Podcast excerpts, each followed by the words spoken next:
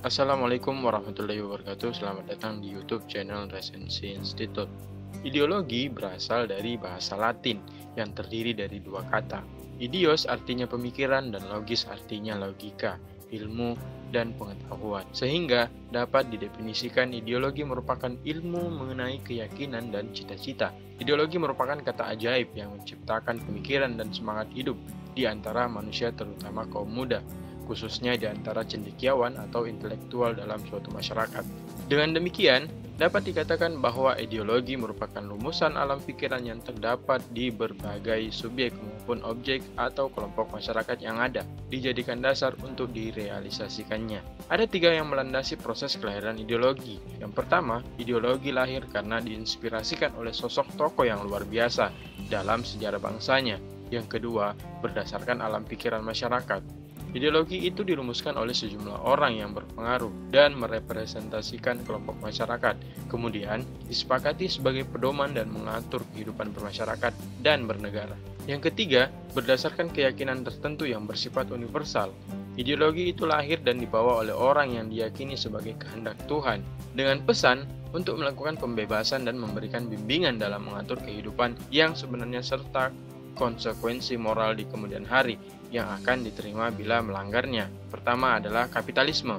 Kapitalisme adalah sistem perekonomian yang menekan para kapital atau modal yakni keyakinan dalam segala jenisnya, termasuk barang-barang yang digunakan dalam produksi barang lainnya.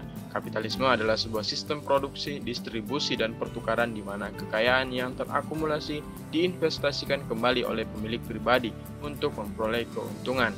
Kapitalisme adalah sebuah sistem yang didesain untuk mendorong ekspansi komersial melewati batas-batas lokal menuju skala nasional dan internasional. Max Weber mendefinisikan kapitalisme sebagai sistem produksi komoditi berdasarkan kerja berupah untuk dijual dan diperdagangkan guna mencari keuntungan. Sebagai salah satu produksi ala kapitalisme ialah upah buruh. Tetapi Karl Marx berpendapat kapitalisme tidak didefinisikan oleh motif atau orientasi kaum kapitalis, melainkan suatu bentuk masyarakat kelas yang distrukturasikan dengan cara yang khusus di mana manusia diorganisasikan untuk produksi kebutuhan hidup. Sistem perekonomian kapitalisme muncul dan semakin dominan sejak peralihan zaman feodal ke zaman modern. Kapitalisme seperti temuan Karl Marx menjadi sistem yang dipraktikkan di dunia bermula di penghujung abad 15 dan awal abad 14 kedua adalah sosialisme.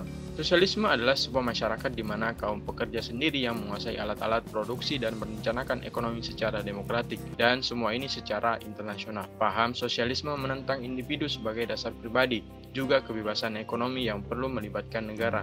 Paham sosialis mengusahakan industri negara bukan semata keuntungan kapitalis yang mungkin berhasil, mungkin tidak. Akan tetapi, penyelenggaraan industri yang lebih demokratis, bermanfaat, dan bermartabat penggunaan mesin yang lebih memperhatikan manusia dan penggunaan hasil kecerdasan manusia yang lebih bijak. Sosialisme berpihak kepada tindakan populis dan untuk rakyat.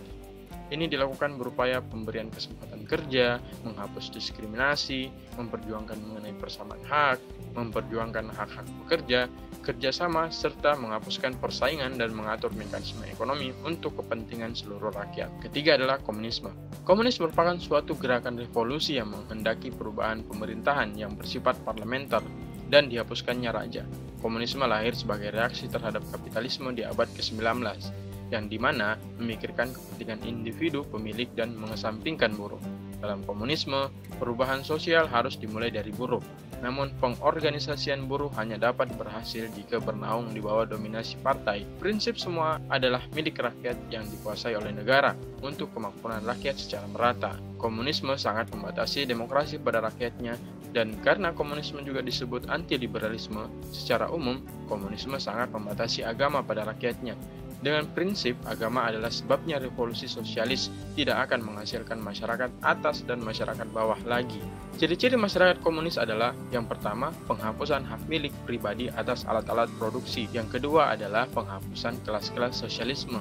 Ketiga adalah menghilangnya negara dan yang keempat, penghapusan pembagian kerja kelas-kelas tidak perlu dihapus secara khusus sesudah kapitalisme ditiadakan karena kapitalisme sendiri sudah menghapus semua kelas, sehingga hanya tinggal proletariat.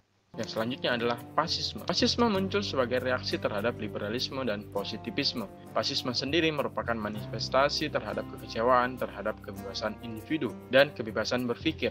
Fasisme merupakan sebuah paham politik yang mengagungkan kekuasaan absolut tanpa demokrasi. Dalam paham ini, nasionalisme yang sangat fanatik dan juga otoriter sangat kentara.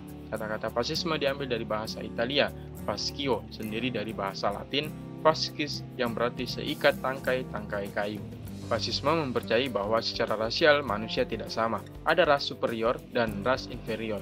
Ras superior inilah yang telah ditentukan secara alamiah ditakdirkan akan menjadi penguasa atas ras inferior. Mereka berhak memperbudak ras inferior dan fasisme melahirkan sikap-sikap kebencian kepada ras lain, khususnya Yahudi. Dan selanjutnya anarkisme. Anarkisme adalah suatu paham yang mempercayai bahwa segala bentuk negara, pemerintah dengan kekuasaannya adalah lembaga-lembaga yang menumbuh suburkan penindasan terhadap kehidupan, oleh karena itu, negara, pemerintahan, beserta perangkatnya harus dihilangkan atau dihancurkan.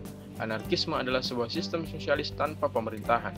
Ia dimulai di antara manusia dan akan mempertahankan vitalis dan kreativitasnya selama merupakan pergerakan dari manusia.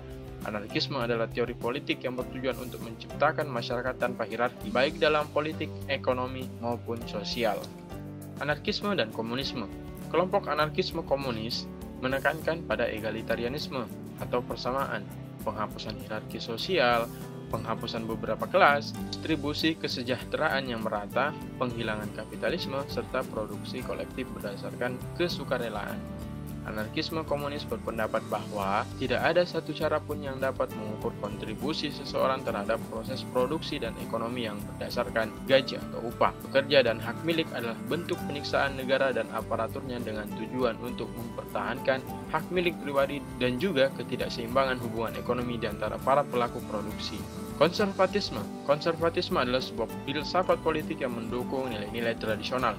Istilah ini berasal dari bahasa Latin, yaitu conserver, melestarikan, menjaga, memelihara, mengamalkan. Samuel Francis mendefinisikan konservatisme yang otentik sebagai bertahannya dan penguatan orang tertentu dan ungkapan-ungkapan kebudayaannya yang dilembagakan.